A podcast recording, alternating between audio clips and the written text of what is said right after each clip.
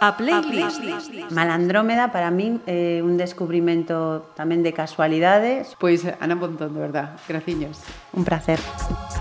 A playlist. Don Tino Lores, bienvenido. Muchas gracias. Entonces decía, quizás no supe hablar tum, tum, cuando te vi. Iba cambiando y haciendo el movimiento. de- A playlist. Saludos, entramos en otra playlist, como siempre, encarando el fin de semana, unos viernes eh, muy musicales, con esas selecciones que hacen eh, nuestros invitados y posteriormente con el programa Altas Horas. ¿A quién tenemos hoy con nosotros en los micrófonos de Pontevedra Viva Radio? Pues puedo decir eh, que es catedrático de historia, Puedo decir eh, que buena parte de su vida ha estado marcada por la música, que lo suyo es la percusión, concretamente la batería, y que vive en Pontevedra. Mm, Ya es un pontevedrés de adopción, ¿no? Como lo somos tantos, pero es orensano de nacimiento. Así que ya no me retraso más con estas pistas. Seguro que habéis visto la fotografía, además de a nuestra web. Javier Domínguez, bienvenido. Vale, gracias. Buenas tardes. En principio, muchas gracias por invitarme. La verdad es que me, me siento muy halagado. tenía que estar, ¿no? Estábamos pensando, un- una playlist, eh, fa- falta- faltaba Javier Domínguez, con esa historia que, que vamos a ir eh, conociendo de, de tu propio relato. Mm, Orensano decía de nacimiento. Sí, bueno, antes mm, una, pequeña aclaración. Sí. Eh, eh, no soy catedrático de, de historia. Soy, soy profesor de historia, soy- tengo las dos, las dos licenciaturas de historia y de arte, pero catedrático no soy. Pues mira. Y la otra, la otra es que te olvidas de, de otra de, la, De otra tus fa- facetas. De una faceta mía. Estoy en un grupo de teatro aficionado, se llama el grupo, sí, hay que darle publicidad. El grupo se llama Argallada. Argallada. Y somos profesores del Instituto Valle Inclán. Ajá, pues mira tú. Mm, eh, Esto ya me deja a mí en evidencia decir que no he hecho demasiado bien mis deberes para esta playlist. Sí, Así sí, que sí. deja constancia. Sí que los has hecho bien, sí. Eh, no, pues verás, alguna más, alguna más tendré reservada. Descuida. Javier Domínguez, segundo apellido, por favor. Álvarez, Álvarez. Álvarez. Y. Y sí, como has dicho, eh, orensano de nacimiento, pero... de Ore- Orense Capital. Orense capital, sí, sí, soy urbanitas total. Eh, de, hecho, ya, de hecho, ya una anécdota que te puedo contar es que de, de chaval eh, le tenía envidia a mis amigos de la pandilla cuando decían, me voy este fin de semana a la aldea. Yo no tenía aldea. ¿Ah, sí? Sí, claro. Yo era, soy, soy, soy de ciudad, soy urbanita, de Orense.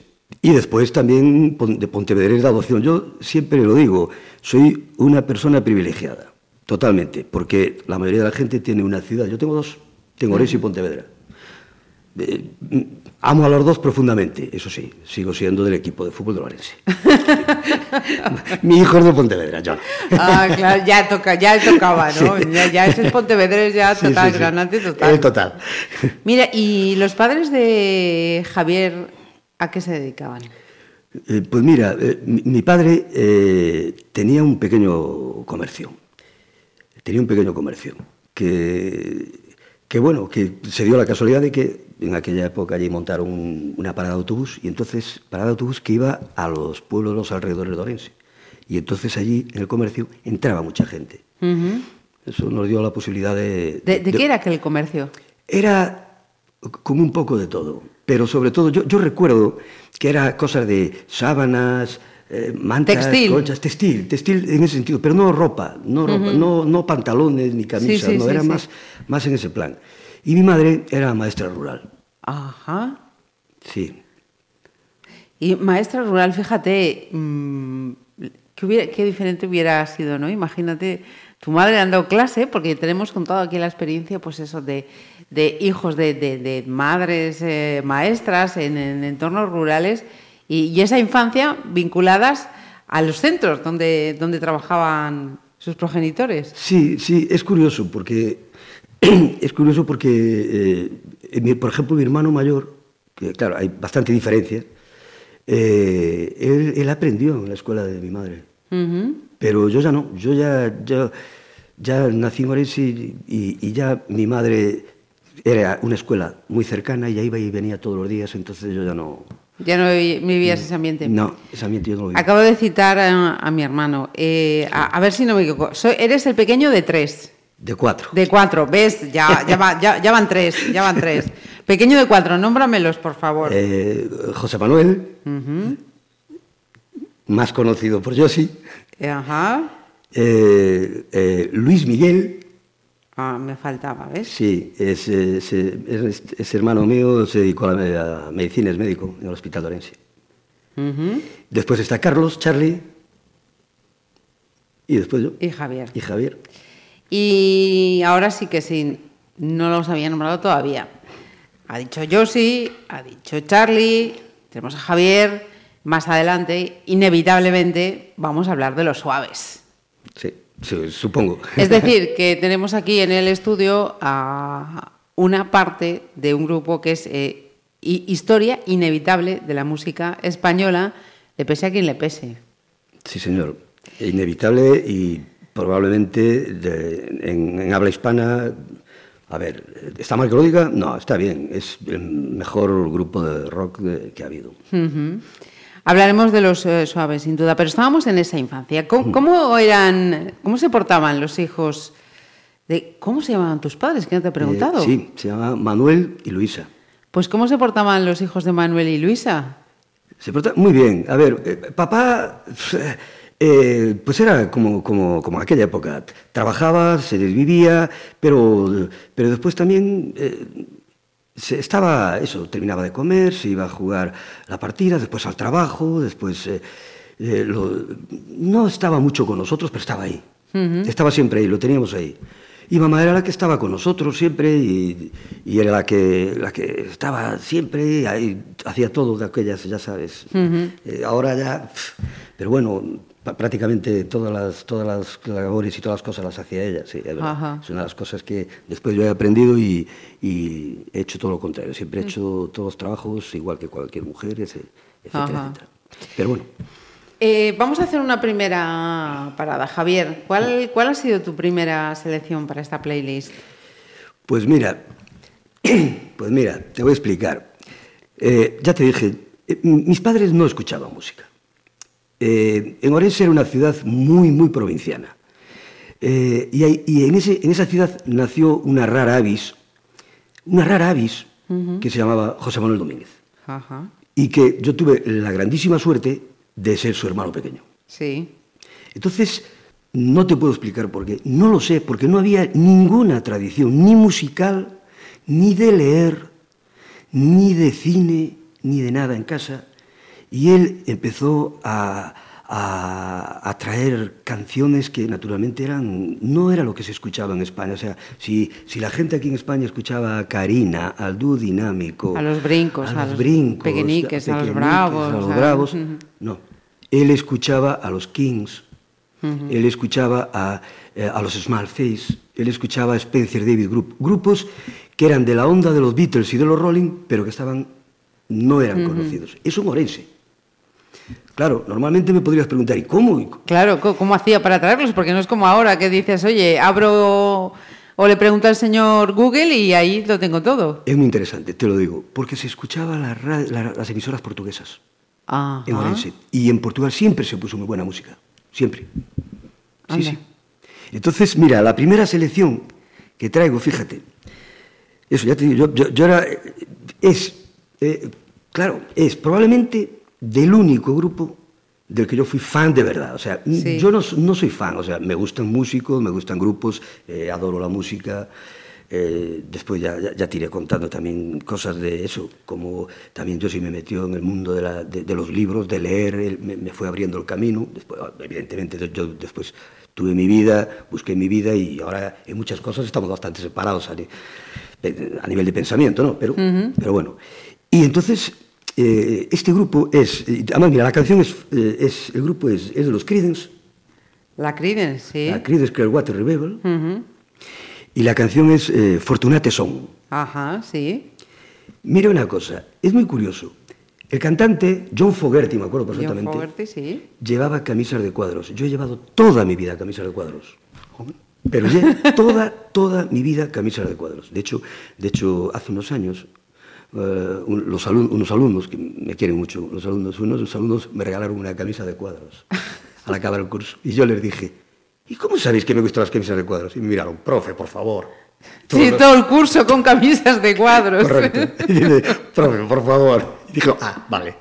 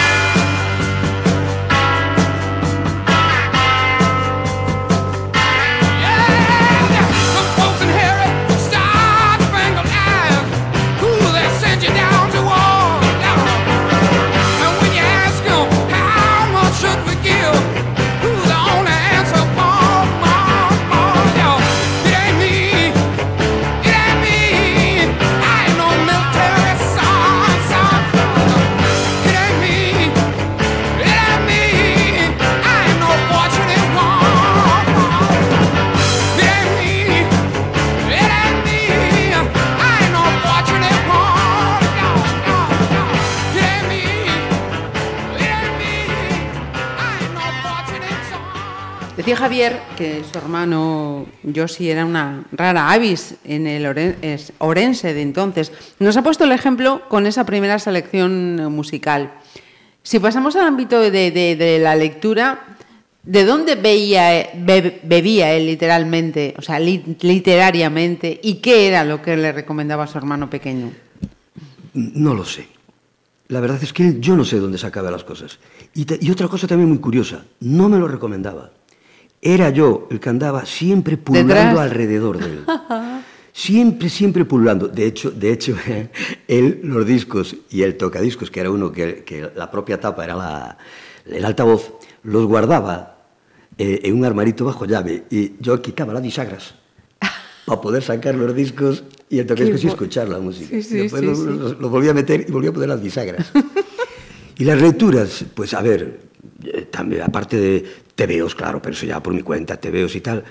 Recuerdo, por ejemplo, el primer escritor que... que, eh, y a mí me ha influido también, y a él también le influyó, ahora, ya- ahora menos, pero a mí me influyó. Fueron eh, la gente, gente, siempre, además, siempre gente americana o inglesa, gen- gente fuera, curioso. Ajá. Por ejemplo, Jack London, Sí. por ejemplo, eh, Jack Kerouac, del cual eh, en la carretera, on the road o en la carretera, eh, yo soy, lo leí muchas veces y ese- esa, ese- esa vida de... eh, siempre, siempre me gustó la- esa vida de los perdedores, de, de- de cruzarse el país eh, haciendo autostop y, bueno, a Jack Kerouac le gustaba el jazz, pero a mí el rock, pero ese, ese mundo de, de- de- de bares oscuros, eh, pero con música, con cerveza, ese mundo siempre fue muy, muy, muy atractivo para mí, siempre me gustó. Y yo creo que fue por influencia de, de esos escritores de la generación maldita. De, La generación americana. maldita, efectivamente. Jack Kerouac era mi favorito, William Burroughs, o, cualquiera de ellos, Neil Cassidy, por por ejemplo. Eh, hablas de Josie, pero ¿y de, mm, de Charlie o de Luis Miguel? eh, ¿Qué es lo que absorbías? ¿O eh, todos ibais también al rebufo No. del mayor? No, no, no, no. no. Eh, por ejemplo, eh, eh, de- de- de- evidentemente todos en la familia teníamos apodo y Luis Miguel nadie le llamaba, le llamábamos Chicho. Chicho. Y, y le llamamos Chicho, es curioso. Eh, de Chicho, por ejemplo, saqué, eh, eh, me metió el vicio y saqué el amor a los, a, a los deportes, pero no al fútbol. El fútbol ya jugaba yo. Ajá. No, sino, por ejemplo, deportes como el ciclismo. O sea, yo recuerdo, recuerdo de chaval cómo me contaba eh, sprints de etapas del, del Tour de Francia con, con míticos ciclistas, quien, quien le guste el ciclismo lo sabrá, míticos ciclistas como Jansen, Merckx, Rick Van Looy, y- y- y lo contaba muy bien. Sabía contar muy bien historias él también. Checho también sabía contar historias muy bien. Y me metió eso por, en ese mundo, el mundo del boxeo, de deportes, el fútbol no, el fútbol estaba ahí, yo jugaba fútbol incluso, pero, pero no, no, esos deportes así, digámoslo así, extraños, baloncesto, Ajá. recuerdo que, recuerdo que en casa enrollaba una alfombra y con, un, con unos calcetines enrollados era la pelota y la alfombra era la canasta. Y jugábamos, hacíamos campeonatos él y yo. Sí. Y entonces eh, todo, todo... Eso era lo que absorbías de Chicho, el De Chicho. deporte. ¿De Charlie? De Charlie era, como era más joven, eh, Charlie muy pronto también se enamoró de la música y, y de Charlie eh, absorbía sobre todo, sobre todo, más adelante, porque Charlie, eh, a ver, eh, aparte de, de ser una persona maravillosa y aparte de ser pues eh, el alma y el corazón de los suaves, el genio no, el genio yo sí, pero el alma y el corazón, el que tiró para adelante los momentos difíciles de los suaves fue, fue Charlie. Aparte de eso, es un, o sea, un pinchadiscos, DJ se le llama ahora, es un pinchadiscos realmente maravilloso, realmente en eso es un verdadero genio, es un fenómeno. Y entonces me influyó más tarde en la música. Ya, pero mm, creo que lo contaré más tarde, su, su momento de, de influencia. Y me decías que todos, eh, todos eh, tienen un apodo. ¿Y el tuyo entonces? Ah, yo era el Domi. Domi, Domi. del, apellido. Sí, Domi, sí. Domi. Qué bueno. Yo también conozco a otros Domis. Por cierto, saludos Domis, si es que estáis escuchando. Serán buenos todos. Seguro, no lo dudes, no lo dudes, cualquiera de los cuatro. Mm, decíamos, eh, todas esas eh, mm, eh, herencias, no, esas eh, inquietudes, gustos que has ido absorbiendo de, de- de tus hermanos, a ser el más pequeño. Y con los libros, ¿cómo erais? ¿Cómo era Javier, además? Eh, ¿Yo o todos? Pues sí, hablamos A de, ver, todos y luego terminamos Eh, con el pequeño. eh, pues Josi eh, no le gustaba estudiar, pero le gustaba muchísimo leer. Eh, a Chicho sí estudiaba. Hizo, era, cumplía, hizo, estudió la carrera bien y tal. Carlos, a Charlie, no, tampoco le gustaba estudiar y además, como, como mm, mamá le señaló como que se tenía que quedar con el comercio de papá, pues para, estaba ya como predestinado. ¿no? Sí. Él, él, de broma, bueno, medio broma y tal. Siempre dicen, ah, claro, vosotros estudiaste, yo estaba predestinado a, ser el- a, a quedarme con el comercio y tal. Y yo era un estudiante normalcito, en el que sacaba muy buenas notas en historia y geografía, y después eh, las otras las aprobaba con cinco raspado y el dibujo lo cargaba, porque soy negado para el dibujo, absolutamente negado. De hecho, de hecho, de chaval, mis dibujos eran dibujos geométricos. Yo, Ajá. sí, así, cuando quería dibujar algo, dibujaba de figura- figuras geométricas. O sea, que mm, lo tuyo es la- la- las artes musicales, pero las plásticas no, no. No. estaba entre, No. entre lo tuyo.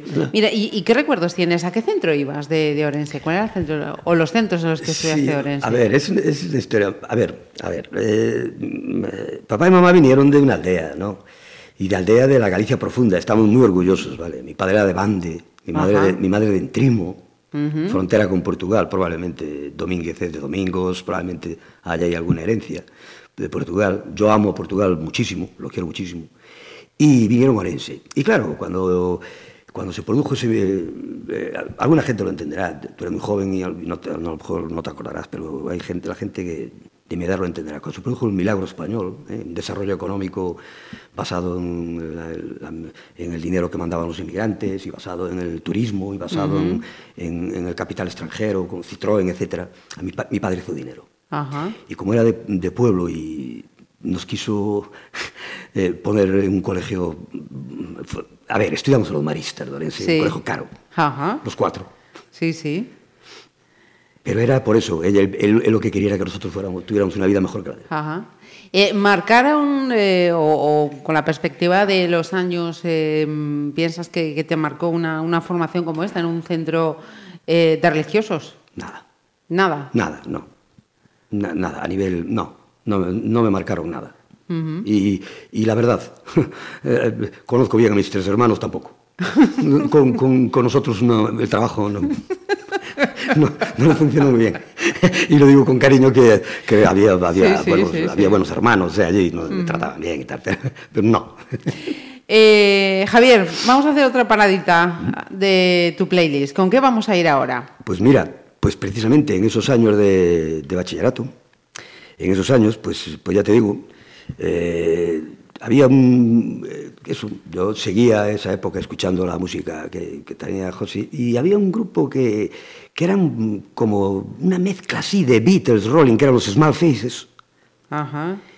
y que tenían muchas canciones que me gustaban y era lo que yo escuchaba. Y entre ellas una que se titula Hey Girl, Hey chica, eh, eh, Hey Girl. Sí, sí, sí. Y esa canción me gustaba mucho, aparte de otras. Y después también escuchaba a los Kings y otros. Pero esa canción es una que me, me trae muy buenos recuerdos de aquella época.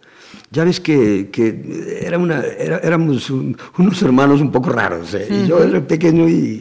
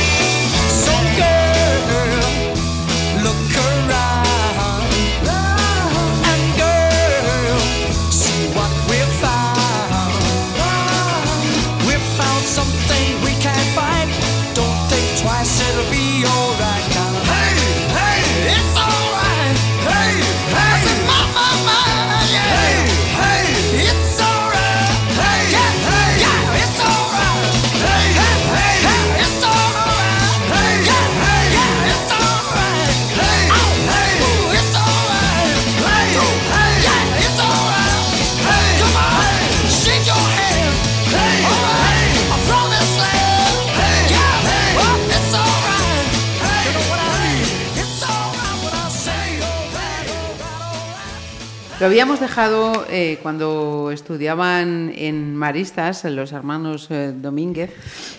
Y Javier, ¿cuándo, en qué momento, si es que lo tuviste claro, si es que lo decidiste tú, que mm, querías ir a la universidad y si empezaste por historia? Porque hay veces algunos que empiezan por una carrera, no, se dan cuenta que esto no es lo mío y luego van al otro. Cuéntanos cómo fue tu caso. Eh, Marisa, es- a ver, me encanta, me, me- me emociona que me hagas esta pregunta, fíjate. Y hablo totalmente en serio, me emociona. Cuando tenía nueve años, diez Con nueve, años, eh, perdón, sigue, sigue. nueve, diez años, por ahí, me contaron la historia de Aníbal y los romanos. Y llegué a casa y dije, mamá, yo quiero ser profesor de historia, solo profesor de historia, Toma. punto. O sea que yo, el sueño de mi vida, yo lo he cumplido. Es más, la verdad es que los sueños de mi vida los he cumplido, porque quería tocar una banda rock and roll y mira tú. Casi nada. El rock and roll casi tocó en vuestra banda. O sea que con 8 o 9 años, qué grande. Sí. Ya, profesor. Por la historia de Aníbal, fíjate tú. Lo curioso del caso es que cuando era chavalito me daba rabia que hubiera perdido Aníbal y ganara a los romanos. Hoy con la perspectiva me alegro que hayan ganado los romanos. Dios nos librara si hubiera ganado Aníbal. Mira, ¿y tu madre, tu madre qué, qué te decía en aquel momento? ¿Qué te dijo? Mi madre en aquel momento, yo sé que ella pensaba... Porque además ella era, me decías, ella Sí, era maestra. Es decir, sí. el, el chico, el pequeño, me va a salir. Sí, Sí, no le o sea, le gustó y no, le, y no le hizo mal, todo lo contrario, se enorgulleció porque ella tenía sus planes. Sus planes eran un médico, ya sabes, lo de antes, un médico, un cura, Ah, un, ninguno sabe, un profe y el que se quedaba con el comercio de papá. Ajá. Acertó lo del médico el profe, Eh, el otro falló. Bueno, también le 50%. vestía mucho de negro, Sí. andaba pegado a, a muchos eh, seguidores. Oye, tenía su público, tenía su. Sí, señor. Oye, un poco distinto, pero bueno, pero bueno. Javier, ¿y mm, dónde estudiaste? ¿Dónde fuiste a estudiar? Estudié en la Universidad de Santiago. Ajá. Sí, estudié en la Universidad de Santiago. Además, es que eh, otro privilegio, ¿no? Porque está bien claro que la, la facultad más bonita de Santiago es la de, es la de Historia. Eh, eso sin ninguna duda. Y estudié allí bien. ¿Cómo Eh, recuerdas aquel paso de Orense a Santiago? Bueno, vamos a ver. El paso, los, los años en Santiago eh, fueron de los mejores años de mi vida. Estudiaba poco, salía mucho. Ahí ya empecé yo a descubrir eh, eh, mi, mi propio, mi propio- Empecé a ser yo, ya, no, ya me- empecé a apartarme de, de los pensamientos de- del pensamiento de mis hermanos y tal, empecé a ser yo. Eh, estaba muy politizada la facultad, muy politizada la universidad, pero había un grupo de locos que íbamos de rockeros y, y yo solo puedo hablar con cariño porque pero tíos que, que estaban en eso eh, en la Liga Comunista en el Partido Comunista en la UPG y tal y a nosotros nos tenían un cariño de la leche y sabían que pasábamos olímpicamente éramos una pandilla Ajá. de chavales de tíos tías y tal Eh, tenía un, un gran amigo de aquella época no lo he vuelto a ver Eh, y, y claro íbamos paralelos a toda aquella a toda aquella Sí, sí. Vivíamos de forma paralela, eh, escuchando siempre música, siempre, siempre rock and roll, eh, y, y lo recuerdo, bueno.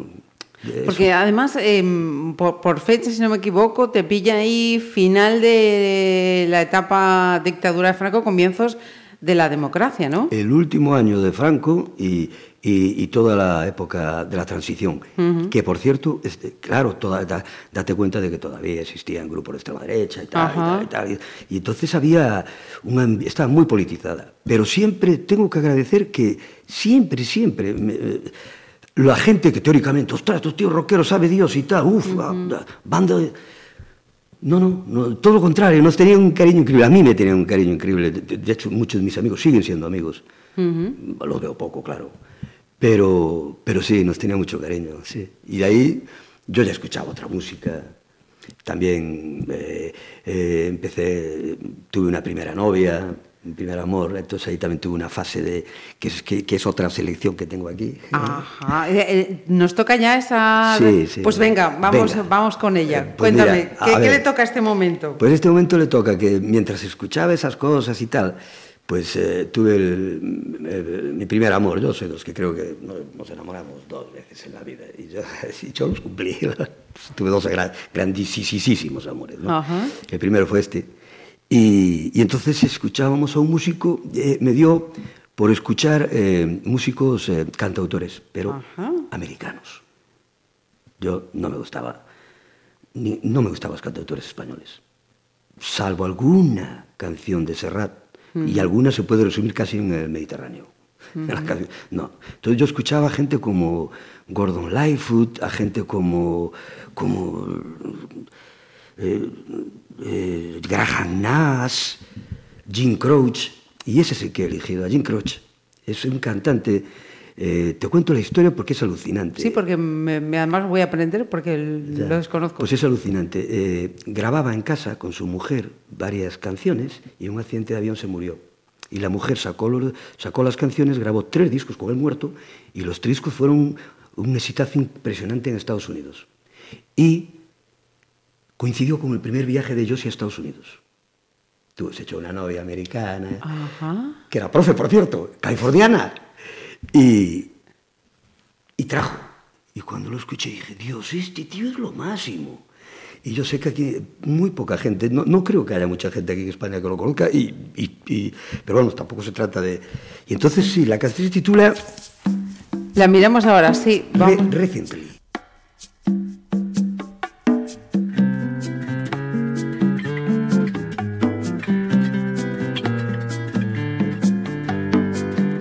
Used to be that I could see a reason to be happy cause I was free. But then recently it seems I've been letting your memory get to me.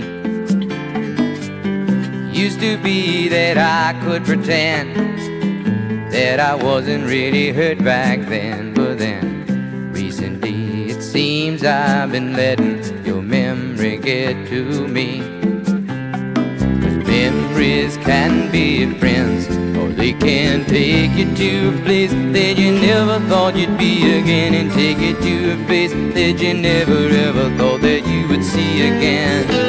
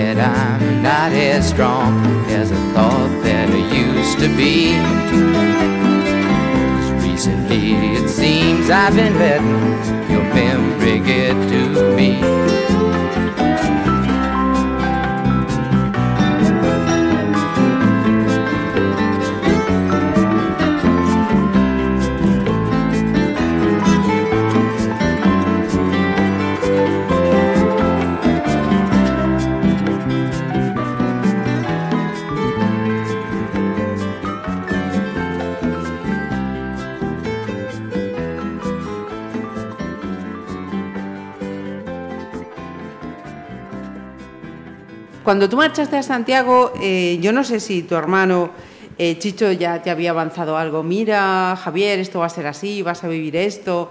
O dijeron, "Mm, lo dejamos y que él haga su recorrido. A ver, yo tuve, en Santiago tuve eh, tres épocas. Ahora, en Santiago tuve tres épocas. La primera, tú lo has dicho, todavía estaba, eh, mi hermano Chicho estaba eh, sexto Ajá. de medicina, sexto de carrera, sí, claro. Y entonces, claro, mamá nos, nos metió en el Burgo de las Naciones juntos en una habitación. Conclusión, eh, ahí yo te estudiaba porque él estudiaba, yo estudiaba y tal. Por cierto, ese año fue el año que ese año murió murió nuestro padre. O sea, yo, yo llevaba 15 días en la universidad cuando, cuando murió, Claro, murió, murió de muy repente. joven. Sí, murió muy joven, sí. Y después Chicho terminó y marchó. Entonces vino mi segunda época, que bueno, era una época, a ver, eh, eh, íbamos a nuestra bola, yo estaba, estudiaba poco, mm, mucha juerga, salir mucho, pero también a, rol, cine, cultura, era en todos los sentidos. eh, no, no, no era el salir de, de botellón, no, era en todos los sentidos. Ahí fue cuando me aficioné muchísimo al cine, a, a cualquier cosa, a la cultura. Leía, devoraba libros como un loco. Tuve mi época de, de leer libros de ciencia ficción, de leer libros de, de todo tipo, de historia Ajá, también leía. sí. Pero vamos, ir a clases y estudiar los exámenes, a ver, los exámenes el día antes eh, para aprobar justito. ir a clases más bien poco. Sí, sí. Pero todo, lo- todo el mundo, no, no, no era todo el mundo de la cultura, y- pero, pero cultura un poco al margen de... al margen, La ¿no? efervescencia que en ese momento Sí. daba la ciudad de Santiago. Sí, ahí, ahí también tengo otra, un tema que, que supuso eh, un cambio descomunal y también se lo debo a, se lo debo a este también, este músico, el músico, se lo debo a Yossi también, este se lo debo a Yossi. Y fue, y entonces... eh, Sí, vamos con él, cuéntame. sí, este sí es conocido, porque es Bruce Springsteen. Ajá. Pero tengo que decir algo de Bruce Springsteen. La canción que elegí es eh, Border Room. Born to Run, sí. Sí, sí. Bueno, pues eh, dos cosas. Una, mi vida en Santiago es un poco como esa canción, nacido para correr. Sí. Esa fue mi vida en Santiago. Estoy or- orgullosísimo, ¿no? encantadísimo de, de- de haber, de- de haber llevado esa vida. Y eh, eh, después, el, el Bruce Springsteen siempre hablo del anterior, o sea, terminó para mí con el River. A mí el, el nacido en USA y tal. No Sí, el Born, no to lo- in the, Born in the USA casi que es eh, la etapa, que empieza la etapa más comercial, ¿no? Exactamente. De- de. Yo cuando escuché por primera vez este disco, dije, Dios mío, este hombre es una fuerza de la naturaleza. Es, un, es, un verdadera, es, una verdadera bestia. Y, voy a contar una anécdota muy buena. Recuerdo que José me dijo, Javier, claro, siempre, él siempre, siempre con sus cosas. Javier, si quieres que una chica se enamore de ti, le regalas El nacido para correr de Bruce Springsteen, con las letras traducidas, claro, no falla. No falló.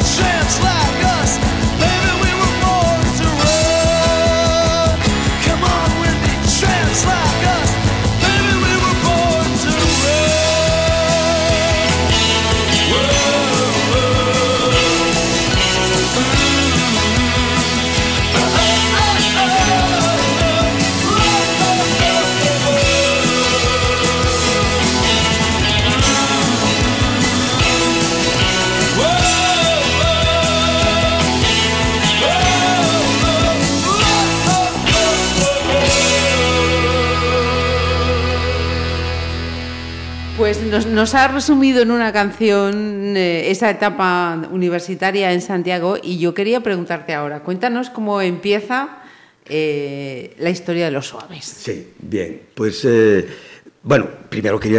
rematar una cosa. No soy- sí, esa canción es, el, es una especie de resumen, pero escuchaba, ya te puedes figurar todo. Reed, eh, yo iba por ese, por ese rollo. Lou Reed, eh, El plano alternativo, Le- lo que ahora sería la, la- la parte indie, ¿no? Sí, lo que ahora sería la parte indie, sí, yo iba por ese, por ese lado. Van Morrison y toda esa gente.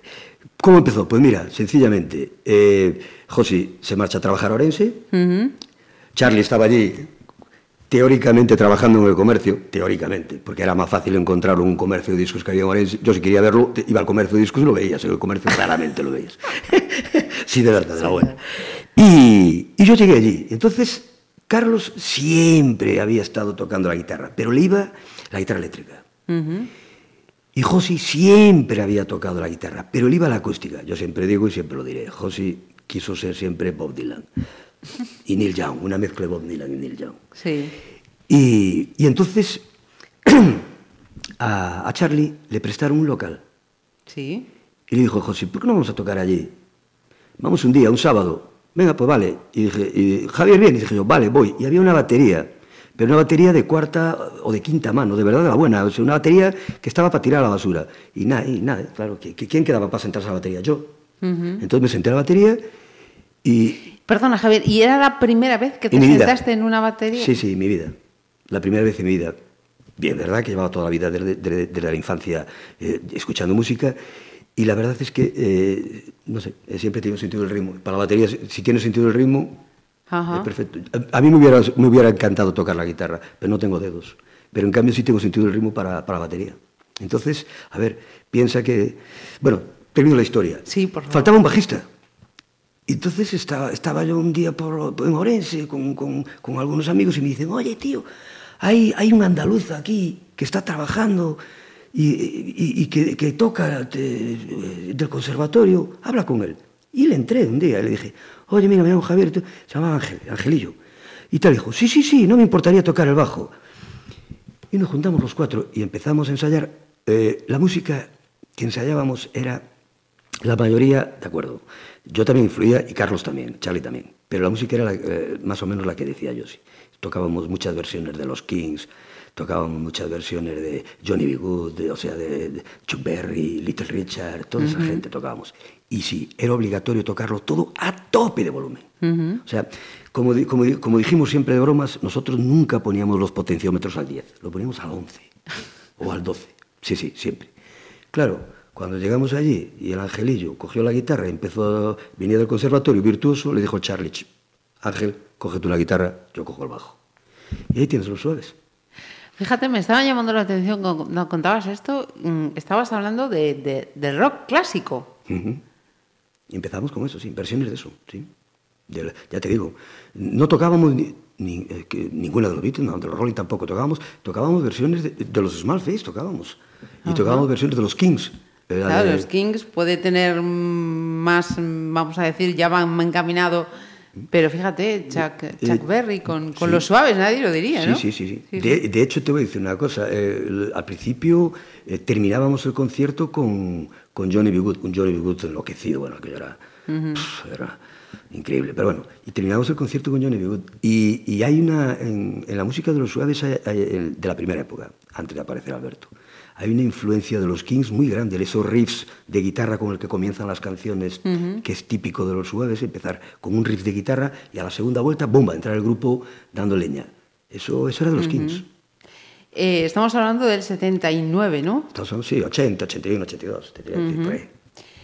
Eh, ¿Cómo se decidió quién componía las letras? ¿Quién componía...? A ver, no se decidió. Sencillamente, eh, José empezó a traer letras, vimos que eran buenas, le dijimos que siguiera, la animábamos. Eh, la música tra- traía, traía, la traía los acordes, la música los acordes, era música muy sencilla. Eh, el angelito hacía lo que podía y siempre le metía un solo de guitarra, pero sobre todo lo que... ¿Por qué? Pues lo que nos caracterizaba era eso, era las dos palabras mágicas, energía y corazón. Con eso, en el, en el- en el rock es, lo es todo, la energía y el corazón. El no engañar. Entonces, claro, hay muchas anécdotas, no puedo extenderme porque sería, sería increíble, pero por ejemplo en Orense de aquella se llevaba el jazz, otra vez marginados. Al margen, nos- se reían de nosotros, eh, pero ya empieza a aparecer un pequeño grupo de gente y dice, hay unos locos ahí que tocan de vez en cuando en una discoteca y tal. Y empezaba a venir gente a vernos. Sí, era una cosa muy curiosa. Mm, ¿Cuál dirías que fue, así vamos a decir más, más serio, el primer concierto de los Suaves? El el primer concierto serio de los Suaves, de verdad, el primer concierto serio de los Suaves fue el de los Ramones. Antes El hacía- de los Ramones. Sí, sí, sí. Antes, a ver. Ya, directamente. Directamente, directamente. Yo, yo, Yo, yo pensé que digo yo, bueno, ya, ya llevarían ya un caminito ya andado en directos o los escenarios. Sí, tocaba, a ver, tocábamos en, Pero- mira, tocábamos en discotecas, por ejemplo, tocamos en Vilaboa en las fiestas, que dijeron que paráramos cuando pasaba la procesión, yo se dijo que bajo ningún concepto, que bajo ningún concepto paraba. En Vilaboa tocamos, que fue la primera vez que cobramos dinero por tocar. Y después tocábamos en discotecas pequeñas, pero el primer concierto serio fue con los Ramones. Esto fue Coruña, ¿no? Si En La Coruña, me falla la memoria. Sí, en La Coruña.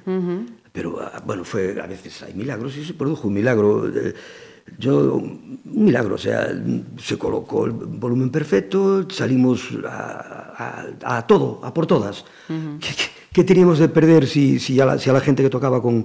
a la gente que, que, que a, a los Ramones en la gira europea los echaban a la segunda canción a botellazo limpio? Y a nosotros empezaron la gente a gritar enloquecida. Decían otra, otra, suaves y Ramones. No, yo, yo llegué, fue una cosa de locos, un milagro, un milagro, pero Yo eh, siempre creo ¿Qué, que... ¿Qué pasó al terminar ese concierto? ¿Qué, qué pasó? Al terminar ese concierto. ¿Qué, qué, qué comentabais? ¿Qué decíais? ¿Lo creíais? ¿No os lo creíais? ¿Esto no, no, no está pasando? ¿Qué yo, lo que pasa por, por, Yo te voy a contar lo que me pasó. ¿Cómo era? El primero es, eh, solo sé que, que cuando terminó, a ver, la prensa había dicho que la batería presa de un ataque de nervios, y tal, empezó a desnudarse, bueno, la camiseta y tal, el cantante también y tal. Bueno. Eh, solo sé que, que salimos llorando que, que, claro, era un, era, era un, un macro concierto. Yo aquello que, que una, una persona de la organización me, trae, me, me da un abrazo me- y me, trae una toalla para que me seque, que nos pusimos a abrazarnos y a llorar. Y, y no, no nos lo creíamos. Y, y los, los Ramones salieron a vernos. Nos felicitaron. Estamos hablando de que en algún momento los Ramones era- eran los reyes del punk. Sí, sí, eran, sí, sí, eran sí, el top, sí. top, top. Y salieron a felicitarnos a unos chavales de Orense Que los teloneaban. que los teloneaban y que, y que, y que estaban condenados a, a salir de allí a botellazos. Y fue, después sé que hay una fotografía muy, muy mítica, eh, eh, yo la tengo, pero están eh, Ángel, Charlie y yo sí, con, con, eh, con Didi Ramón, el, el bajista de los Ramones. Y digas tú, pero no estás tú. No, yo era tan tonto, esta- estaba, estaba intentando ligar con una chica y no salí en la foto. Me arrepiento, me arrepiento, de verdad, te lo prometo. No salí en la foto. Después nos fuimos a Santiago y recuerdo que por primera vez me pidieron autógrafo en Santiago. Gente que había ido a ver a los Ramones, nos vieron Y en Santiago. repente- Dijeron, ostras. Y estábamos en una discoteca de Santiago, en el Black. Ajá. Y, y me pidieron autógrafo. "Sois- va- va- Sois increíbles y tal. Sí. No nos lo creíamos. Pero la fiesta la hicimos en Santiago. Qué bueno. Javier, vamos a ponerle Sí. una banda sonora a este trocito de historia. Pues mira, aunque te parezca curioso o, o- o- o extraño, a este trocito de historia le, voy a poner eh, la banda sonora de que cuando regresé a Orense y existía lo de los suaves, fue cuando realmente empezó Charlie a influirme en la música. A ver, Charlie ya empezaba a tener a ser muy, eso, muy importante pinchando y tal. Ya tenía parte ya de su, tiene una colección de 6.000 vinilos. Caramba. ¿Sabes? 6.000 vinilos. Ya, ya traba- trabajaba en emisoras de radio de Orense poniendo música. Sigue trabajando, sigue teniendo con su nombre, el Lobo, el Lobo Urbano. Y entonces, donde él pinchaba, se corría la voz. Tíos, está el Charlie pinchando en tal sitio. Y allí íbamos. Y de aquellas, él me metió a mí y a una pequeña secta. Es, es increíble cómo podía haber una pequeña secta en Orense fanáticos del rock sureño, de los Allman Brothers, de los Skinner. Ajá. Pero éramos una secta de los aulas, de la Marshall Tucker Band, de todo eso. Entonces dije, bueno, voy a elegir, ¿por qué no? Podía elegir cualquiera de los Allman, porque realmente a mí los Allman me gustan más que los Skinner. Pero va, venga, elijo el Sweet Home Alabama. Eh, está escribiendo ya el Sweet Home Exacto. Alabama. Elijo el Sweet Home Alabama. Pues venga.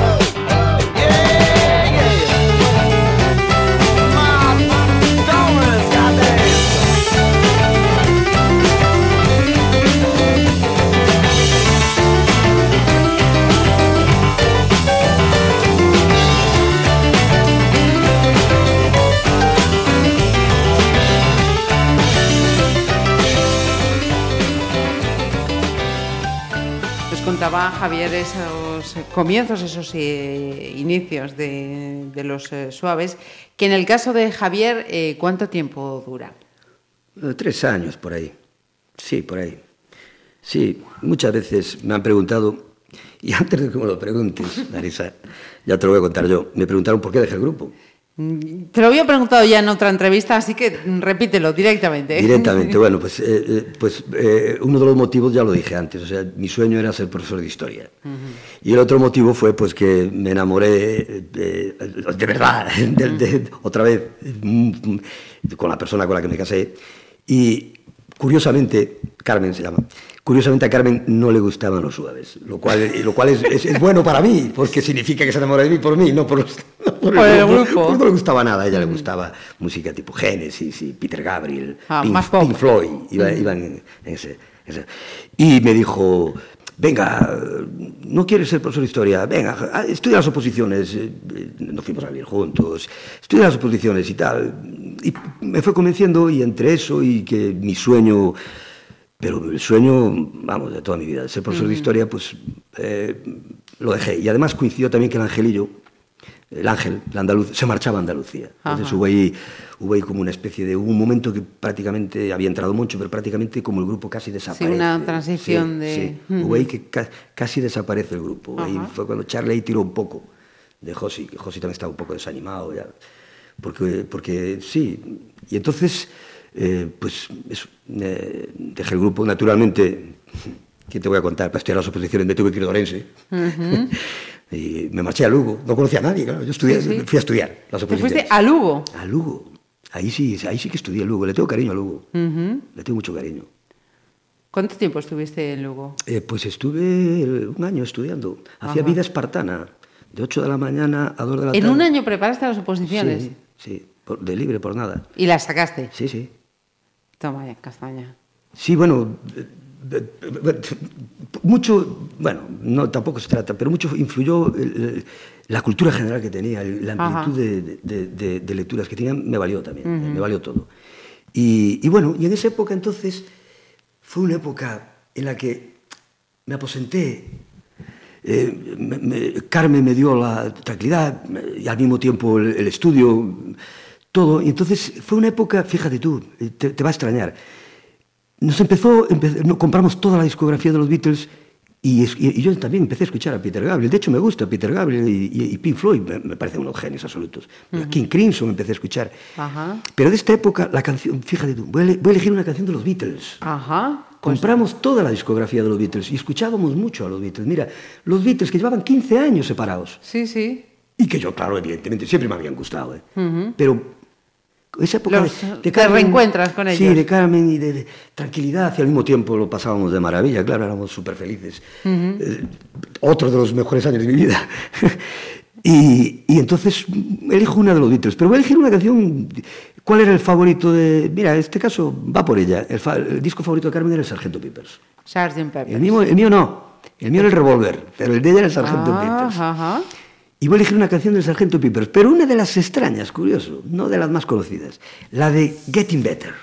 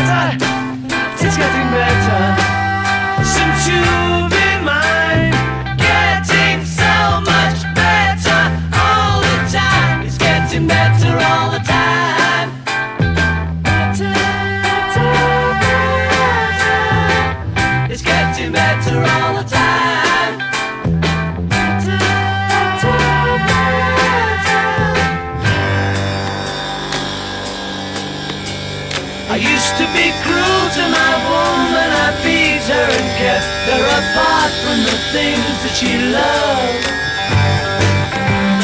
Man, I was mean, but I'm changing my scene, and I'm doing the best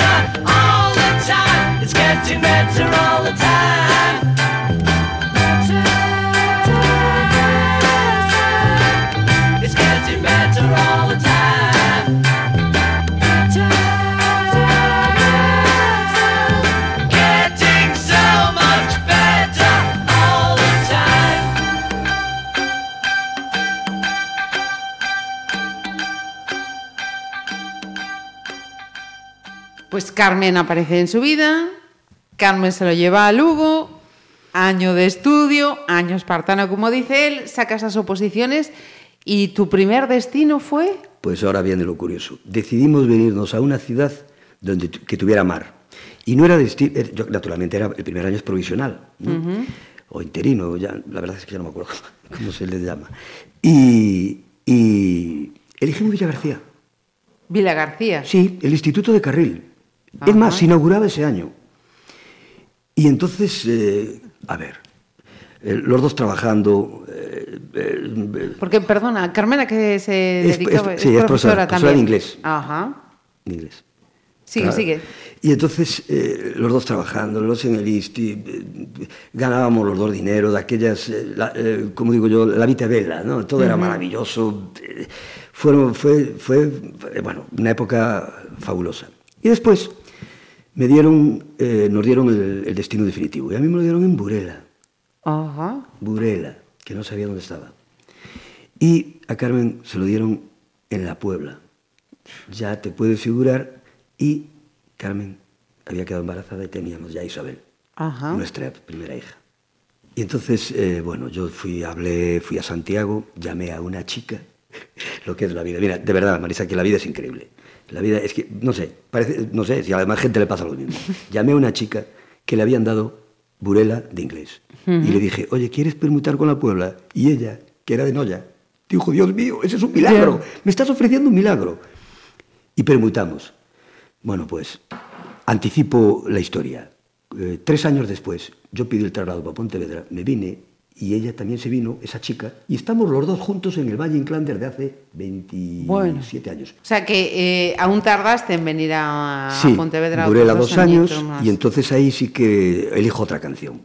Y elijo una canción que ya es, mira, cuando nos trasladábamos en coche íbamos a Asturias o, o íbamos a Orense en las Navidades o Orense en Semana Santa en el verano o nos movíamos, llevábamos, ya, ya había nacido la Isabelita, tenía un añito, dos añitos, tres, eh, venía la sillita atrás.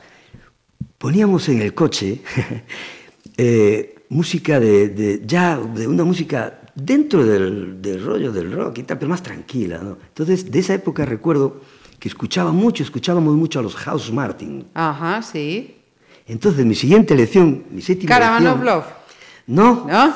no, Happy, happy Hour. Happy Hour. Happy Hour. Vale. Podía ser la otra, sí, señor.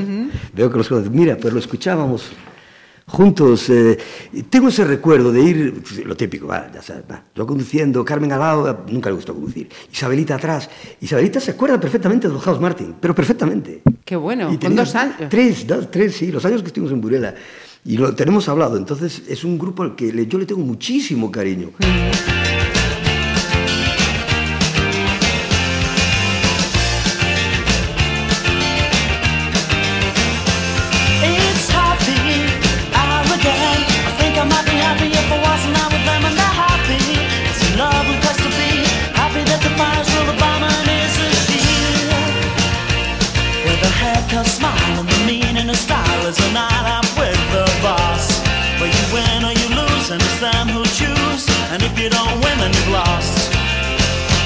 good place to be.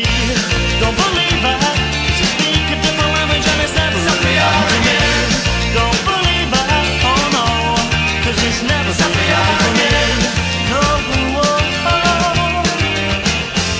It's another night out with a boss, following in footsteps overgrown by moss and these odds Good women go trees, and if you catch them right, they will land upon the knees.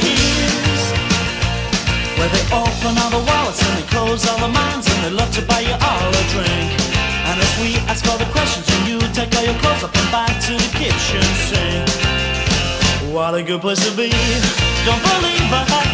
speak a different language and it's never really hard to me Don't believe a hat. oh no Cause it's never been hard for me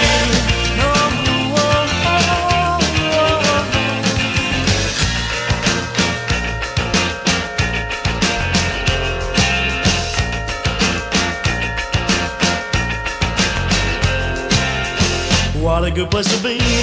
Don't believe I speak a different language and it's never really happened to me.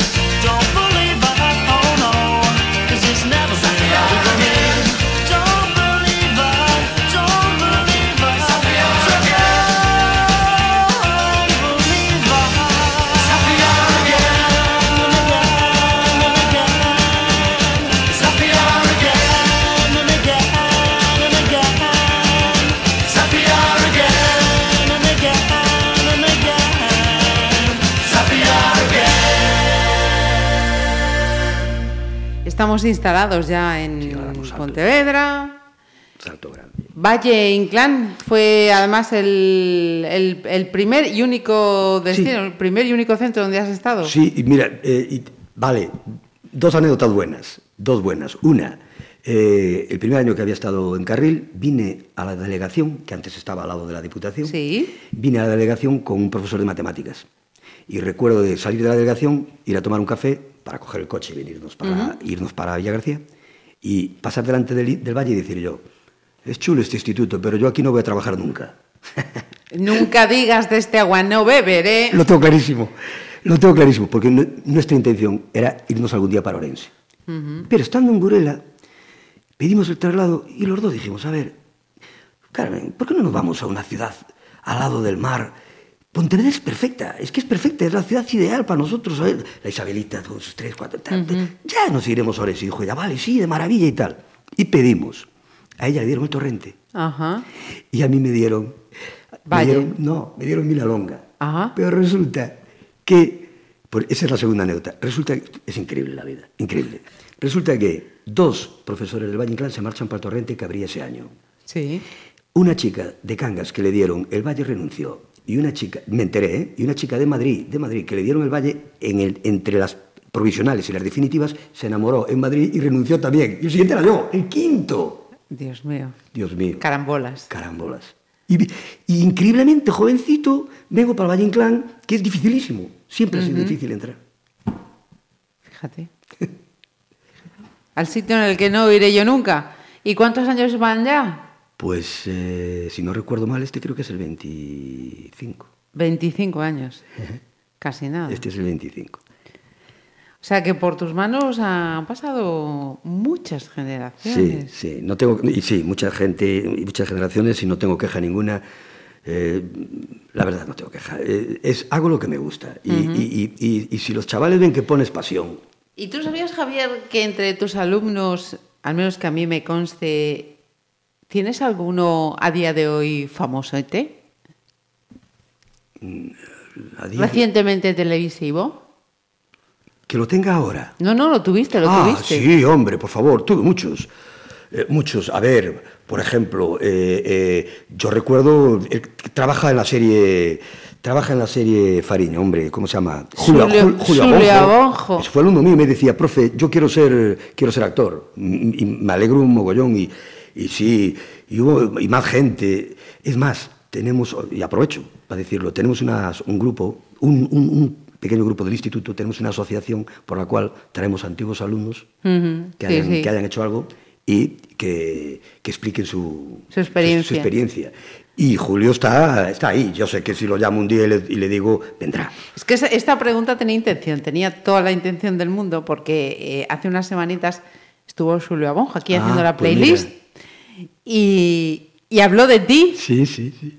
porque mm, decía que le encantaban tus clases de historia, porque decía, es que no tenía que tomar apuntes, o sea, no, no te despistabas teniendo que estar tomando apuntes. Cuando llegabas a la clase, tomad, ahí están los apuntes. Y lo que te dedicabas era a escuchar, a aprender. Y yo aprendí historia como nunca precisamente, Por, por esa forma de dar clase que tenía Javier.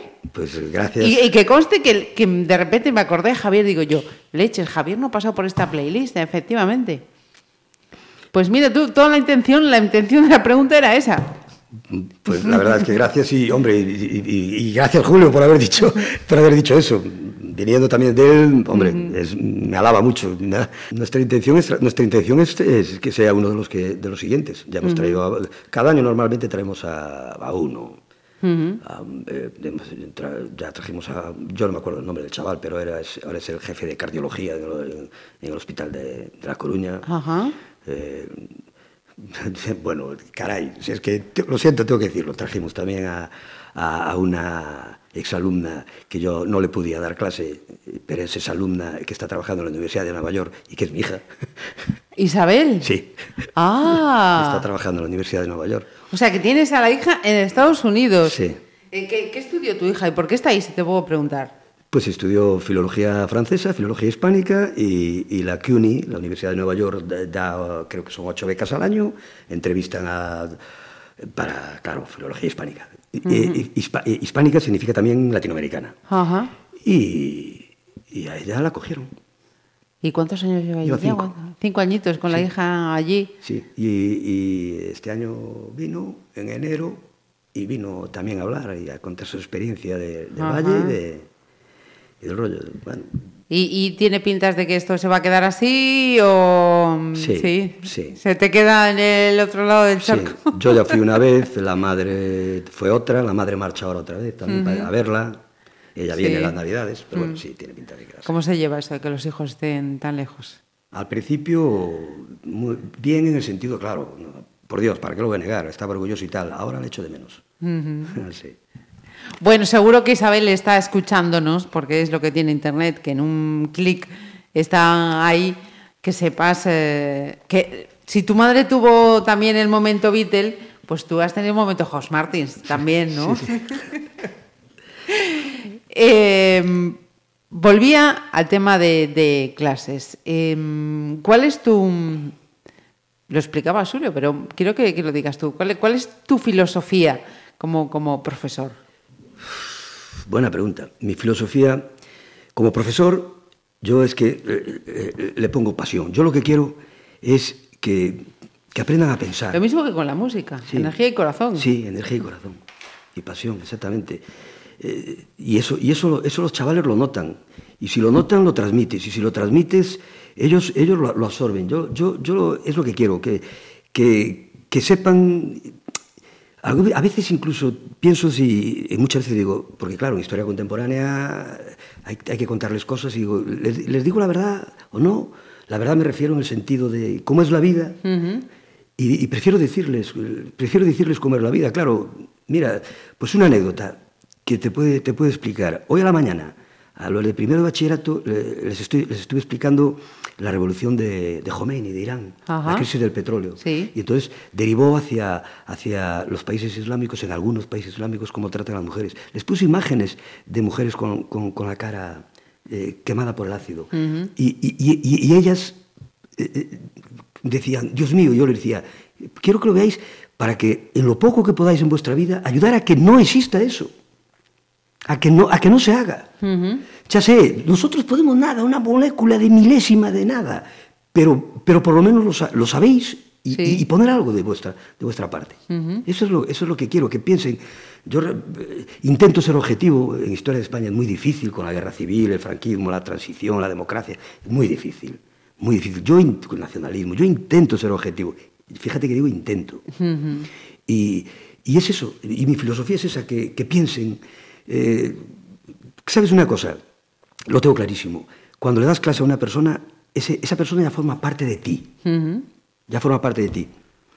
Eh, hay, hay, hay al- alumnos, que, exalumnos que me ven por la calle y me dicen, hasta luego, profe. Y, y- y eso, eso, es, eso es lo máximo. Eso es, es lo máximo. O sea, entonces también aprovecho para, para decir la- la- lo típico, pero, pero vamos a ver, pero no quisiste ser una super macroestrella del rock y tal.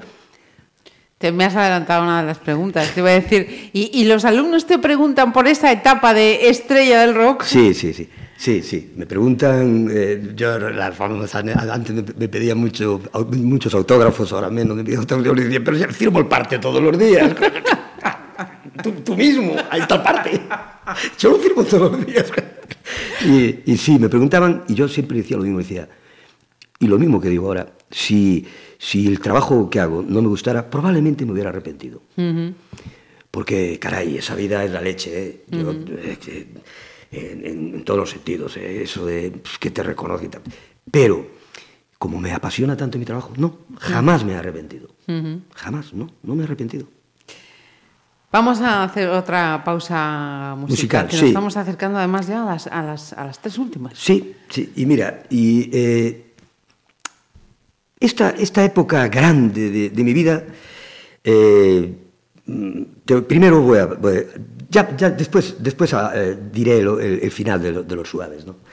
Pero primero esto, ha estado acompañado, siempre me acompañó un músico al que yo eh, adoro por encima de todo. Eh, para mí es el más grande, o sea, literalmente lo, lo vi en Vitoria solo una vez en directo y naturalmente lloraba, lloraba cuando, cuando, cuando tocó esa canción que, por cierto, eh, sí, es la que voy a elegir de él, sí, es la que voy a elegir, eh, obligatoriamente. Cuando tocó Laila, yo me puse, Ya. a, llor- me puse a llorar. Vale. Y ese, ese señor para mí es el más grande, porque además es blanco con alma de negro. Y además ahora eh, Eric Clapton, de verdad que, que, mu- estoy en, en ese sentido muy triste y, y- y- le hablo a él personalmente, Eric Clapton, porque sé que estás mal, sé que tienes problemas en las manos, ya no puedes tocar y estás muy enfermo. Y yo Eric Clapton lo adoro. Es mi músico favorito, pero con el otro, que será el último, pero son los dos, y, pero a Eric Clapton lo adoro. Entonces, mi selección de todos estos años se resumiría en Laila.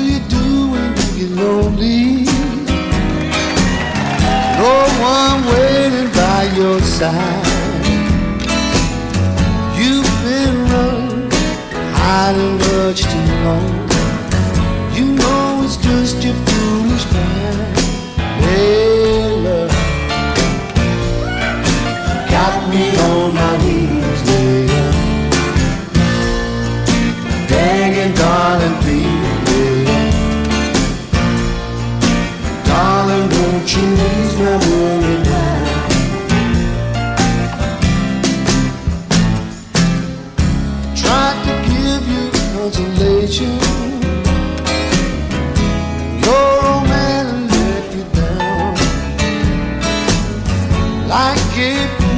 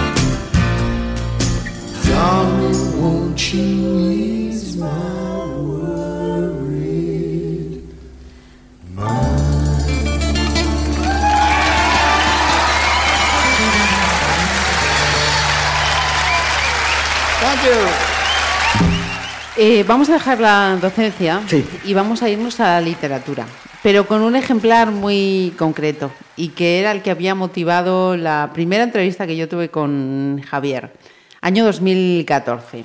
Publicación del libro Mi casa es el rock and roll, junto a un jovencísimo pontevedrés, Adrián Morgade. Eh, cuatro años que han pasado desde aquella y, y ¿qué ha pasado? ¿Qué, ¿Cómo ha ido evolucionando ese libro? ¿Te ha Bueno, reportado alegrías?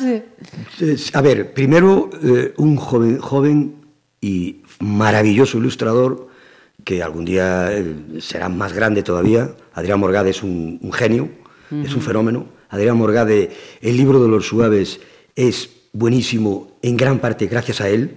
O sea, eh, yo no lo sé, formamos un, formamos un tándem increíble durante... Estuvimos prácticamente dos años, yo tenía escrito, pero dos años juntos. Recuerdo que, recuerdo que, que quedábamos, mira tú, quedábamos en la cafetería de la herrería que ahora ya cerró. Sí. Eh, Pues quedábamos ahí, en la Ajá. cafetería de los soportales de la herrería, quedábamos ahí. Sí, y señor. planificábamos todo, él me traía los capítulos, un fenómeno.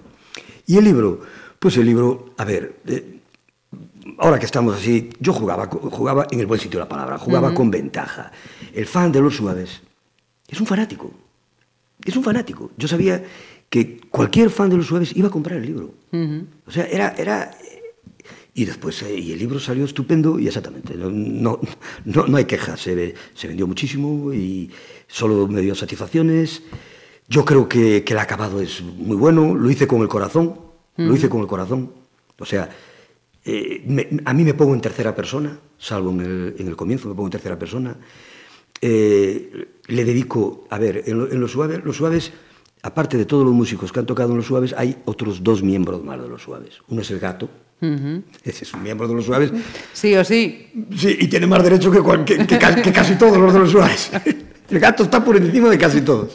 Uno es el gato y el, y el otro es el- los fans de los suaves. Mira, en Madrid me dijeron en un concierto, yo, yo después durante, los, a partir del 97, por ahí hasta el 2000, 98, 99, hasta el 2007, 8, 9, 10, por ahí, eh, fui a muchas giras con ellos, hice giras enteras con ellos, y giras, iba, yo ya tenía un, eh, habitación de hotel y todo el rollo con ellos y tal. Yo recuerdo una vez en Madrid, en la Riviera, un chaval jovencito me dice, mira, ser fan de los suaves es un don. Me quedé con esa frase para siempre.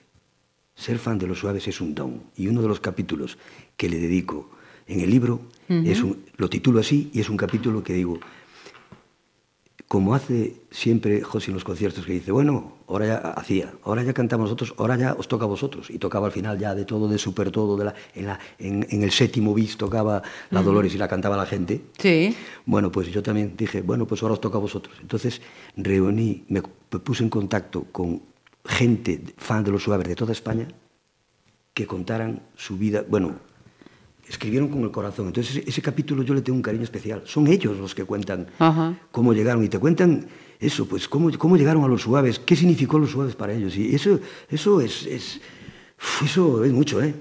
Eso emociona y, y- y ese capítulo le tengo mucho cariño. Y los demás y me dijeron, ¿por qué no esperaste a que se retiraran? Ahora me alegro de haber terminado donde terminó, en el concierto de la reunión. Me alegro, a ver, a ver, es que es que es una suerte, Jolines, es que me alegro de haber terminado. Fíjate, mm, mm, y perdona que te interrumpa, ahora que, No, ahora que dices, me acabo de, de acordar, decía yo, casi se me, casi se me, se me escapa.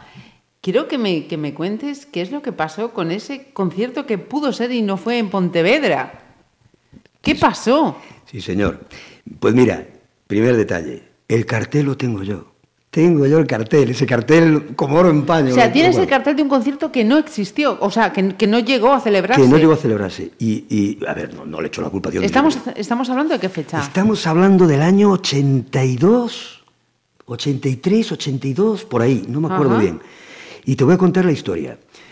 Claro, en Pontevedra van a traer a otros genios que eran Motorhead y como nosotros habíamos, ya estábamos en Galicia eh, a un nivel muy grande por el rollo de los Ramones, dijeron, llevamos a los suaves de teloneros. Y nos Ajá. llaman, aceptamos perfectamente. Se hace todo y tal. Resulta que Motorhead tenía un juego de luces que era un avión gigante colgado del techo. Y el concierto iba a ser en el pabellón de deportes. Ajá, Y jugaba el teucro. sí. Y no daba tiempo a colocar el avión de luces. Y entonces los Motorhead dijeron, o se coloca o no O tocamos. no hay concierto. y, y Teucro no quiso cambiar la, fe- la- la fecha, o sea, la hora del partido. No sé bien el- lo que fue. Nosotros Ajá. estábamos en Orense, perfectamente lo recuerdo, desayunando al lado de casa, cua- de- de- de cuando yo iba a Orense, al lado de casa de mamá, desayunando para coger el coche y venirnos para aquí. Y llamada telefónica, no se No celebra se el puede. concierto. Y recuerdo perfectamente unos tíos que venían de Portugal, que habían parado, que venían al concierto de Motorhead y que pararon a tomar café en ese sitio. Y le dijimos, no, tío, no, no hay concierto. Y no se celebró. Pero el cartel lo tengo, lo conservo. Motorhead más los suaves. Y el cartel es un, era el puño, un puño así metálico de, de Motorhead. Y no se celebró nunca ese concierto. Sí, señor. Mira tú, mira tú. Curioso. Eh, penúltima selección. Penúltima, sí, Javier. sí, sí. ¿Cómo pasa el tiempo? Sí, bueno, la penúltima eh, tiene que ser, naturalmente, de una canción de los suaves, lógicamente. Eh, y, a ver, a mí hay un montón de canciones de los suaves. A ver, eh, primero, primero, yo sí creo que es el mejor escritor, lo, lo- siento, lo siento por los fans de Sabina, lo, si- lo siento en el alma, por los fans de Sabina, pero, pero yo sí creo que es el mejor escritor de, de canciones en, en- en idioma, en idioma castellano, incluyo Latinoamérica, de México para abajo, ¿eh? el mejor, el mejor, para mí. Entonces, tiene un montón. Yo podría seleccionar un montón, pero y, y- y es- y espero no emocionarme cuando te cuente la anécdota. Pero cuando vinieron aquí, aquí en Pontevedra siempre se les ha querido mucho, siempre. Tocaron la primera vez en la herrería, fue la leche. La segunda vez había gente en la oliva. Estaban Sí. tocando en la herrería, había gente en la oliva. No veían nada. Y la tercera vez inauguraron ellos. Por cierto, siempre muchísimas gracias al, al Concello por habernos traído. Agradecimiento de todo corazón, eh, porque, porque de- debían ser agradecidos. Y también siempre quiso mucho a los suaves el Concello. Y, y trajeron a la Plaza de España, inauguraron ellos la primera vez que había, ¿sabes? Que cambiaron hace Que seis- se seis trasladaron años, los conciertos seis, siete en la años herrería tardaron. a la Plaza de España. Bien, sí. el primero de ellos. La Plaza de España está delante del Valle Inclán. Sí. Yo estaba allí. Josi, y no quiero emocionarme, Josi eh, eh, sabe cuál es mi canción favorita. Charlie también. Yo, me, yo me, me ponía siempre en la mesa de mezclas. Sí. Y Charlie siempre me saludaba cuando tocaba la canción. Ajá. Y cuando presenta, si pudiera, Ajá. si pudiera, Josi dice, bueno, esta canción es especial porque esta ciudad es muy especial para nosotros. Aquí vive y trabaja el primer batería fundador de los Suaves, que se llama Javier y se apellida Hermano. Toma. Y empezaron a tocar. Qué bonito. Empecé a llorar delante del Valle Inclán. Sí, sí, sí, sí, ¿sabes? O sea, sí. mi- mis dos vidas, el Sí, Valle. Inclán, el Instituto Valle. Inclán y ellos. Sí, señor. ¿Se puede pedir algo más? No. Entonces, si pudiera, es Qué la canción bueno. que elijo.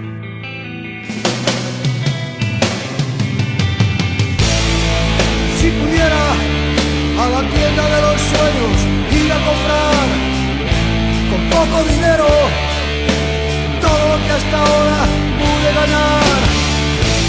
Si allí vendieran billetes para el tren de otra oportunidad, encargaría un ticket de ida a la estación perdida donde mi vida puede caminar.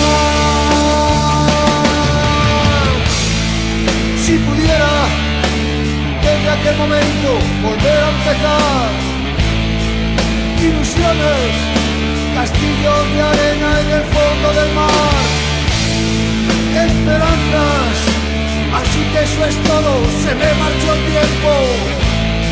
Y es ya tarde, tengo miedo de irme a la sombra del cielo. Me queda tan poco y tanto que arreglar.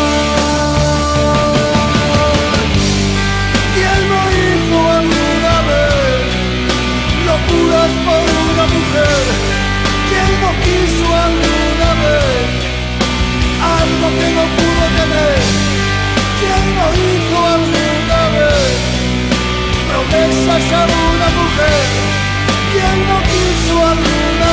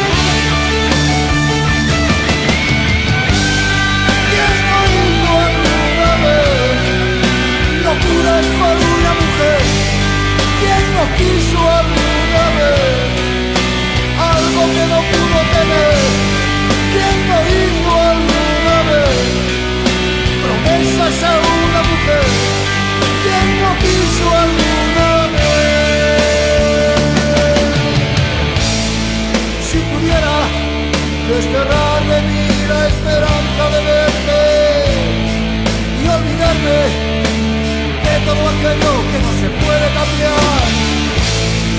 Despedidas, si quieres un recuerdo te regalo mi pena. Y esta noche duermo solo y quizás te encuentre en mis sueños, que es donde solo te puedo encontrar.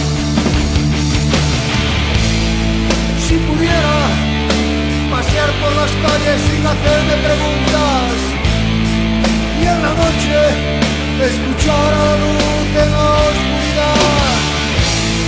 ¿Qué me has hecho?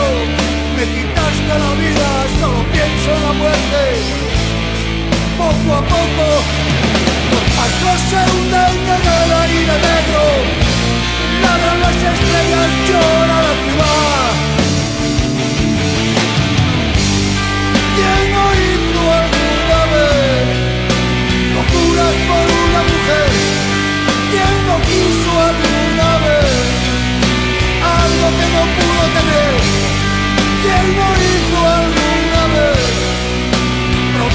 A una mujer? ¿Quién no quiso alguna vez?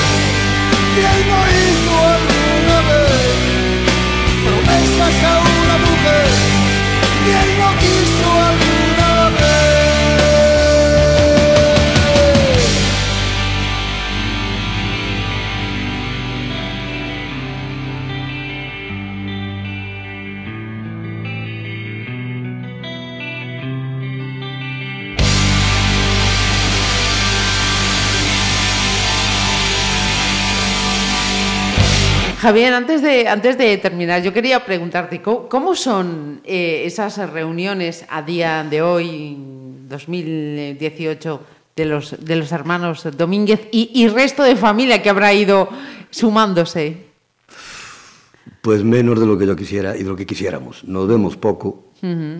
Nos vemos poco. Eh, Josi vive. Bueno, yo, yo le llamo Josi, siempre llamé Josi. Josi. Sí. Eh, a veces le digo Josi, pero yo, yo eh, ahora familiarmente le llamé, le, le- llamé siempre Josi. Josi vive eh, en una casa a las afueras de, de Orense. Mi hermano, mi hermano Chicho, el médico, aprovecha con la más mínima oportunidad para viajar. Viajar, Ujú. viajar, viajar. Le gusta viajar y viajar. Carlos también anda por ahí por sus motivos viajando a Soria muy, muy a menudo. Y yo vivo en Pontevedra, entonces nos vemos poco. Nos vemos Ajá. poco. Me, a mí me hubiera gustado. Sí, es verdad que era. Y también influyó mucho también que, que murió. cu- Cuando murió nuestra madre. Nuestra madre era. El nexo de unión, ¿no? Suele unión, ser, su- sí. suele pasar, sí. Y además, además eh, fue, fue muy- nuestra madre lo vio todo. Ajá. Vio el éxito, vio, vio sus hijos lo que fueron, vio como, como la, la ciudad Orense eh, les daba una- Reconocía. una, les reconocía una plaza con su nombre, eh, la medalla de oro de la ciudad, la medalla de oro de Galicia. El otro día, mira qué casualidad, este año la medalla de oro de la provincia me llama de la Diputación de Orense y me dice, Javier, tienes que venir. Y dije yo, ese día estoy volando a Bruselas con los alumnos que vamos a visitar el Parlamento Europeo. También, Sí. mira qué casualidad. eh, también, Mira que no tiene días el ya- año. ya, que no tiene días, ya vale. Y entonces, y mi madre lo vio. Sí. Hombre, no, no, no lo último, no lo de estos dos últimos años, pero Sí. lo vio. Entonces, yo eso ya soy Pues que feliz. de esa satisfacción. Oh, por favor, sí. Pero nos vemos poco, la verdad es que no nos Y vemos por cierto, tu- madre era, era fan de la música de los suaves. A ver, no, mamá era fan de, de- de sus hijos y punto, nada más. Y no hay más que decir. Y no hay más que decir. Y, y aguantaba que yo se llevara esas melenas blancas, pues, porque sí, y que era fan, era fan de sus hijos y nada más. Estaba muy orgullosa, claro. Sí, señor. Sí, sí. Y eso, eso es algo que a nosotros también, claro. Os enorgullece, sí. lógicamente. La, claro pe- la sí. pena de que papá muriera tan pronto y nunca, nunca se enteró de esto. De nada, porque claro, no existía nada cuando, Ajá. cuando murió. Tal O sí, vete a saber. Sí, o sí. O sí. ¿Quién sabe? ¿Quién sabe? Exactamente. Algún, algún día, algún día que no sea pronto, lo, Sí. lo sabremos, lo Sí, descubriremos. Tiene ra- tiene razón. Javier, perdón. No, termino eso, que eh, sobre todo con quien hablo mucho es con, con Charlie. Sí, siempre, claro, también incluso por edad, siempre hubo muy- mucha afinidad. Charlie, yo siempre, y cuando, cuando ya después de, de- de- ya de, vi- de vivir aquí y todo el rollo iba a Orense, pues, pues eh, lo típico. Charlie, comemos juntos. Comía con él, íbamos a tomar una, unas cervezas los dos. Con Charlie siempre, cuando, cuando iba de gira con ellos, eh, José se, se, se marchaba, se retiraba tal, y yo quedaba con Charlie, porque Charlie siempre se quedaba mucho con los fans, yo quedaba con él, Sí, después sí. íbamos a cenar. Entonces, Ajá. a Charlie sí lo veo más. Es el que, con el que más contacto Sí. tienes. Mira, y también para cerrar el, Sí. el capítulo, profesor, eh, tú me decías al, al comienzo mm, que gracias a escuchar a un profesor, mm, como contaba la historia de Aníbal, tú quisiste ser profesor de historia. ¿Te ha venido alguna vez algún alumno diciendo que quería ser también algún profesor de, de historia en un futuro? Me han venido muchos, y me han venido muchos padres, y me han venido padres. Eh, por causa suya, mi hijo ha decidido estudiar historia, y, y, y en esos momentos no pi- pienso si, no he- si, si, a lo mejor no Si he lo hecho bien. agradezco, le doy Sí, una sí, si no he hecho colleja. bien, a lo mejor lo he hecho bien. Entonces, aún, aún el- el- el- la última le dije, le- fue maravilloso, fue, este, fue el otro día, le- eh, un- de cuarto de la ESO, es encantadora, está allí delante, devora todo y le dije, estaba así hablando y dije, Verónica, a ti te gusta mucho la historia, ¿verdad? Me mira con esos ojos y me dice, sí. Y dije yo, ¿qué vas a estudiar? Ciencias o letras. Y me dice, ciencias. Y dije, lo haces bien. después, después estudias historia, lo haces bien. y, y- y sí, mucha gente, sí. La verdad es que sí, no, no me puedo quejar. Pues eso también dice mucho de Javier, profesor. ¿Y, con qué vamos a cerrar ya? Pues vamos a cerrar con, con mi canción favorita. Como broche final. Como broche final. Eh, es mi canción favorita. Es, es también uno de mis músicos favoritos. Pero eh, hace, unos, hace poco, eh, tres, cuatro años por ahí, montamos un grupo de rock aquí. ¿Ah, sí? Sí, sí, sí. Muy, muy bien. Es más, hicimos dos actuaciones en Pontevedra. Dos actuaciones. Era para, para divertirnos. Y era una chica que cantaba, tocaba la guitarra rítmica. Después era otra chica que tocaba el bajo, yo la batería. Eh, Rafa Fariña, el fotógrafo. Sí, hombre. La guitarra, era el guitarra solista. Ajá. Y, Y, la chica es Cristina. Cristina. Cristina Prieto. Sí, señor, Sí, Cristina. sí, pues sí, sí, Cristina. Eh, y, y después estaba, estaba un profesor de música de mm, eh, Jolines César, el vasco, Ajá. y Cosme, que tocaba la trompeta. Y tocábamos eh, canciones, versiones y tal. Y a mí siempre me ilusionaba y la- esa la impuse. Yo dije, tenemos que tocar mi canción favorita. Entonces, aprovechaba para decir que tuvimos un grupo. Eso, eh, siempre- esa canción siempre me ha acompañado. Hay que decir el nombre del grupo. Sí. Ah, el, el grupo, ¿cómo nos llama? Ah, sí. eh, la la eh, Freire Blues Band. Porque Freire estuvo una temporada y, y ya quedó de coña. Freire Blues Band. Freire también compañero de los Sí. medios de comunicación, sí. Sí, sí, sí, y le llamaban Freire Blues Band. Sí. Pero lo dejamos y, y entonces el día que lo lo dejamos dije, me retiro de la batería. Sí, ahora sigo con el teatro y me retiro de la batería. Y ahí, y ahí dejé, de- dejé de tocar. De hecho, eh, todo lo que era miedo a la batería lo dejé allí. Sabe Dios que, lo- en, el, en el local, sabe Dios. Y ese día me retiré de tocar. No me arrepiento tampoco. Y, y la canción y el grupo, bueno, a ver, es todo. Me, me lleva acompañando toda la vida. Ujú. Es Bob Dylan. Ajá. Y me lleva acompañando toda la vida. Y la canción es Like a Rolling Stone. Ujú. Eh, yo creo que es, eh, a ver, la he escuchado en miles, en miles de versiones, la he visto en conciertos tocar a muchos grupos, la he tocado yo, Eh, pero creo que es un buen detalle para terminar. En Vigo, cuando tocaron los Rolling Stones, después tocaron en Santiago, y, y, por cierto, otra anécdota curiosa, tocaron en Santiago y solo dieron seis pases especiales para gente que, que no fuera de los Rolling. Ajá. Y los seis pases eran, porque claro, los suaves fueron teloneros, eran Sí. los ciclos suaves y yo. O sea que tengo un pase especial Sí, de los señor. Rolling, que Sí, para un fan de los Rolling de Japón dirá, Dios, Debe ser la leche, un vamos. pase Sí, sí, especial de la leche.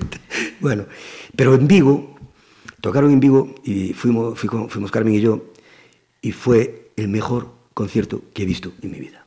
Ujú. Y en un momento tocaron Like a Rolling Stone. Y fue súper emocionante. A mi lado estaba un abuelo con el nieto. Y el abuelo me agarró del brazo y me dijo, es el momento más feliz de mi vida. Toma. Y fue, y por eso, y Like a Rolling Stone yo creo que es la canción más preciosa y más maravillosa que jamás se ha compuesto. Sí, lo siento, yo sí, pero Like a Rolling Stone es mejor. Lo dejamos en esa discusión de Sí, bueno. Javier, muchísimas gracias. De nada, gracias a ti, gracias a ti y gracias por traerme. Y, no sé si me, lo, si- si- si me lo merecía, pero, pero muchas gracias. Es un, es un honor, de verdad, y un halago. Para nosotros.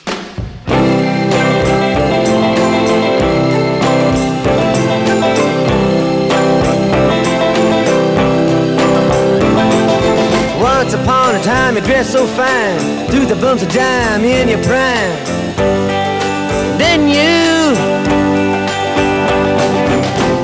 People call, say beware doll, you're bound to fall. You thought they were all kidding you. You used to laugh about everybody that was hanging out. Now you don't talk so loud.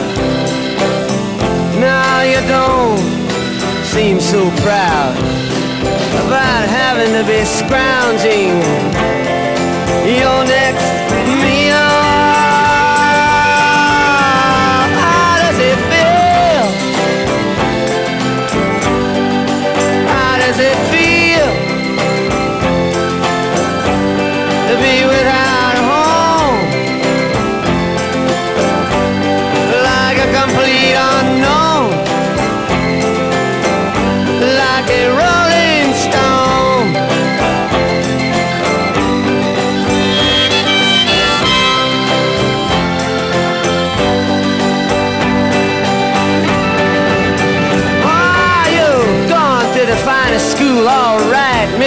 but you know you only used to get juiced in it.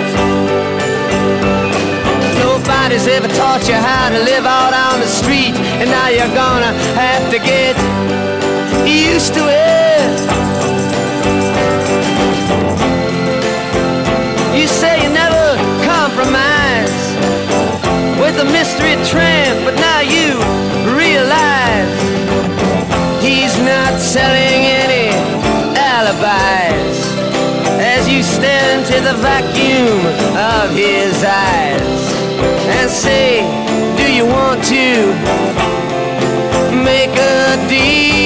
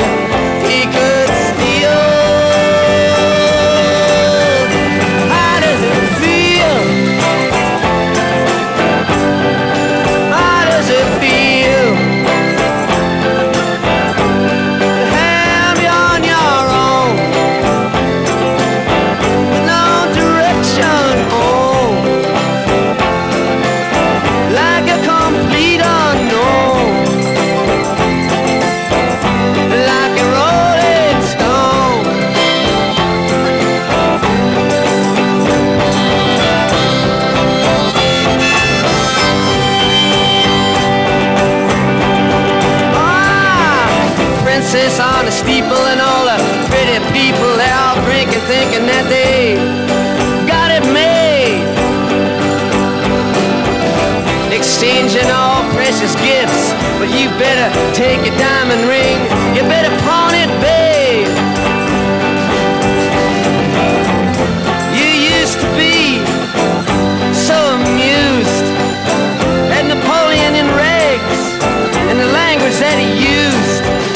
Go to him now, he calls you, you can't refuse. When you ain't got nothing, you got nothing to lose. you got no secrets to conceal.